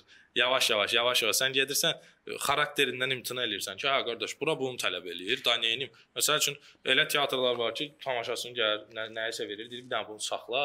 Axırda səndən götürəcəm məsəl üçün. Tutalım deyirəm də kontakt növləri. İndi çoxdur, rejissordan asılıdır. Belə şeylər də olub əsasda. Hər şey olub. Yəni Şey hissə gəlir. məncə. Bir var tamaşaçı utanır, çəkinir. Bir də var elə bir o anı gözləyirmiş də. Belə aktyor yaxınlaşan kimi içindən bir də canavar çıxır. Başlayır oynamağa, səslə, zadla, pafosla. Və mənim öz başıma gəlib qatil tamaşasında aktyor grill yeyir, toyuq budları. Əsəb mən də birinci səhnədə otur, birinci sırada oturmuşdum, birinci səhnə. Hə, ikinci səhnə, üçüncü səhnə. Aktyor əsəbləşdi, vurdu belə, elə bir çırpdı da şey toyuq budları olan şey. Budu gəldi düz belə havada. Gəldi qucağıma düşdü. Mən də acmışdım. acmışdım. Götürdüm yedim onu. Mən yeyəndən sonra yerə zada düşənləri də qızlar zatlar var təbii. Götürdülər, təmizlədilər, başladılar yeməyə. Yəni gəlmişsiniz sən- ki. Hə. Yox, mən doğrudan e, tamaşaçı olaraq əslində pis tamaşaçıyam. Nə vaxt teatra gedirəm, ya yuxulu oluram, ya ac oluram. Yəni narahat vəziyyətdə oluram da Mən belə. həmişə. utaram, mən öskürə bilmirəm tamaşada. Çox sakitçilik oluraq ya. Bir də elədin Elə bilirəm ki, hamı şey eləyəcək. Bilə, söndür işığı, yandır işıq lazım. Hə, Bəsdən icazə. Nicat öskürdü orada İndi zaten. vəbşə təsəvvür elə oturmusan, öskürürsən birinci sırada. Aktyor baxır pandemiya zət. Hə, oynamıram. So, ya şeydir, imtina eləyir də tamaşadan ki, so öskürən var. Bir də xüsusi ritual var Nihat nəsə çıxmamışdı. Məsələn, o Fuad Balovla bağlı danışır. Fuad Balov deyir səhnəyə çıxanda, yəni tamaşa günü heç kimlə danışmırdı. Sakitcə yerdə otağına, yəni Fuad Polodov sənə danışırdı. Yox, səhnədə heç kim səhnəyə Hə. çıxmamışdan bayaq danışmırdı. Sizdən səbəb bir şey var. Fuad Polodovu sahib. Yuxularımda Biz görürəm. Dua eləyirik. Dua edirsən, hə, o da. Ya bu aktyorlara məxsus şeydir. Yəqin ki var. Çünki mən elə kollektivdə aktyorlar var ki, e, ya kontakt qurmurlar, ya e, yerdə uzanırlar. Məsəl üçün Eyşən səhnə hiss eləmək istəyir o, tamaşadan əvvəl. E, Daha çox səhnədə keçirdir də. O sən pərdə təbii ki, bağlı olanda. Və yaxud bu elədir ki, bəzən bu cür yanaşır aktyor. Bu cür hazırlayır özünü, bəzən başqa cür. Amma mütləq şəkildə hazırlanmalıdır. Yəni tamaşaya az qalmış sən zarafat elə, danış, de, gül filan, nə bilim nə, bu qeyri Salır. peşəkarlıqdır. Rad, mən fikirləşirəm ki, yəni sənin belə şey yanaşmağın hansı ki, səhv bizdədir. Biz düzəltməliyik falan filan. Bu çox bomba şeydir. Çünki reallıq odur da. Yəni də məncə ləzzətli söhbətdir. Belə bununla da düzəldə bilərsiniz söhbəti. İnşallah. Yəni kimsə oturub belə nəyisə və Belə düşünən günahlandırmaq, çox adam var. əslində. nəyisə günahlandırmaq asandır da. Burası baxırsan, hə, problem nədir? Hə, budur. Bunu Teatrlar Yox, mən belə düşünürəm. Bir məhsuldur, satışdadır. Alıcı almır onu. Yığılışır şeydə, o məhsulu satışa çıxardanda. Ha bu nətər alıcı deyə bunu almırlar. Elə bir şey yoxdur axı bizdə. Və yaxud hardasa çıxıb deyir, "Ha siz zövqünüzü, ağız dadınızı bilmirsiniz." Belə deyil də, sən o ağız dadını insanlara Bizdə belə, belə şey çox var. İnsanlar qınamaq çox var da. İzləyici axmaqdır izləyici falan filan. Belə söhbətlər çox orada. Yəni əslində yəni bu tələb, təklif məsələsidir. İki tərəf də bir-birinin üstünə atır da. Teatr deyir ki, cəmaət bizi başa düşmür. Cəmaət deyir, pul vermişəm eləyin də. Mən görmürəm sizin Hə, üzərində tamaşaçı kütləsi ümumi götürək. Konsert, nə bilim, ə, şou və digər də kino teatr. Çox unikal, çox gəlirli əslində tamaşaçı kütləsi var. Yəni elə şeylərə gedib 30-40 manat pul verib bilet alırlar ki, görürsən ki, qardaş var da, bunlar mə mədəni istirahətlərini eləmək istəyir. Burdan teatra pay düşmürsə, yenə deyirəm, problemidir. Masada bir tort var, hərə öz payını götürməlidir də. Teatr etməlidir? Yəni nə- düzgün addımlarla nə təklif edə bilərsən? Dua o eləməli. tortun Dua eləməli. sırasına. Teatr nə Prosta düzgün işləməlidir. Yo, nə nədir düzgün nədir? teatrların bu saat əlində demək olar istənilən resurs var. Biz bunu niyə deyirik? Çünki biz kiçik resurslar hesabına böyük işlər görmüşük və hər dəfə biz e, məsələn Nizatla danışırıq, fikirləşirik, deyirik, oy da dövlət teatrının əlində olan resurs bizdə olsaydı, Mhm. nə yaxşı şeylər eləmək olardı. E, teatrlar ilk növbədə özünü təqdim etməyə bacarmalıdır. Bu da nədən gedir? Bu da PR məsələsinə gəlir. SMM-i demirəm, PR məsələsinə gəlir. E, dirənir belə deyim də. E, ümumiyyətlə teatrlarda prodüserlik institutu yoxdur. Yəni kimsə prodüser kimi işləsin. Çünki prodüserlər elə bilir ki, yaxşı prodüserlər e, teatr gəlirsiz sahədir. Teatrda kiməsə çağırıb yanına demir ki, "A qardaş, gəlirli sahədir. Sən teatrda işləyib ev də ala bilərsən." Özünə maşın da ala bilərsən, şirkət də qura bilərsən, teatr prodüserliyi şirkəti. Yəni maraq yoxdur. Teatr o marağı yarada bilmir. İndi bu bu- aralar PR, prodüser sözləri gəlib teatra termin kimi. Məsəl üçün. SMM. Hə, amma mahiyyəti dərk olunmur. E? Bu tamam başqa şeydir. Bu kola satmaq deyil ki. Yəni Bir dənə də bir misal deyildin də. Buyur, buyur. Hə. Bir dənə bunu danışım siz bağlayaq, yəni uzat. Məncə çox oldu. Kəsməyəcəyik deyə də. Hə. Bu teatrın köhnəlmək teması var. Köhnəlməz. Yəni istəmir. Bura bir şey var da, yəni məsələn, atıram, indi musiqilər kompüterdə hazırlanır. Rəsm əsərləri kompüterdə hazırlanır. Yəni heç kim şey, yəni bu dəyişir də. Bu buna hörmət buna hörmət eləmək lazımdır da. Yəni deyirlər ki, məsələn, ala kompüterdə rəsm əsəri olar. Ala olur da, eləyir. İndi bu, buna niyə hörmət istəyirsən? Oturub çəkib, kompüterdə çəkib, hər nədə çəkib, çəkib. Yəni biz deyirik ki, indi məsələn teatr digital olmaz. Məsələn. Yəni olanda da olur. Eləyiblər, maraq var. Deməli bu da trenddir, yaranır. Deməli o birisi köhnəlir asta-asta. Yəni, Köhnə deyək ki, belə də şeydə rəsm məsələləri köhnəlir. Artıq digital art yaranıb. Bu teatrın köhnəlmə prosesi var səncə? Yəni belə bir proses var da, ak- Bax, aktualdır. musiqidən götürək də. Əvvəllər ə, internet yox idi. İnsanlar məcbur idi ki, deyib disk alsın, kaset alsın. Ondan da lap əv- əv- əvvəl elə bir texnika yox idi ki, sən səsini yazasan, kimsə evində oturub dinləsin. Düzdür? Ə, məcbur idin nəyə? Məsəl üçün hardasa çıxış eləyirsə, deyib bilet alasan, baxasan və yaxud qastrol'a gəlibsə, gedib onu dinləyəsən.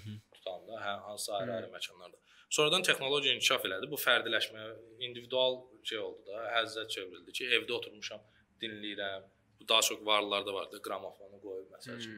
Məndə əladır vəziyyət. Elə teatra da bu cür yanaşma olar. Necə? İndi deyəcəm. Nə qədər digitallaşsa da musiqi, niyə konsertlərinə gedirlər? Hı, canlı Niyə onu canlı görmək istəyirlər? Çünki onu hətta mən sizə razılaşarsınız ki, konsertlərin canlı ə, oxuyanda daha zəif olur. Nəinki sən Belə dinləyəndə, hə. Amma ab-hava, aura Hə, məsələsi. amma nə var məsələ var? Aura məsələsi var. Sən gedirsən özün kimi insanların arasında Bəli. sevdiyin bir şeyə kollektiv qulaq asırsan. Teatrda təbii ki, digitallaşa da bilər, rəqəmsallaşa bilər, disk kimi abunə ola bilərsən, sənə disk göndərərlər, nə bilim, hansısa platformalarda abunə ola bilərsən. Amma yenə də teatrın canlılığına ehtiyac olacaq. Eee, belə. Bu arada Benedict Cumberbatch var, ya, bu Bəli. Doctor Strange. Onun Frankenstein tamaşası var, onlayn tamaşadır, gəlib axtarın, baxın. Adamlar bir dənə səhnə qurub elçin. O deyir sənə köhnələr. Ya müasir dövrə adaptasiya eləyiblər.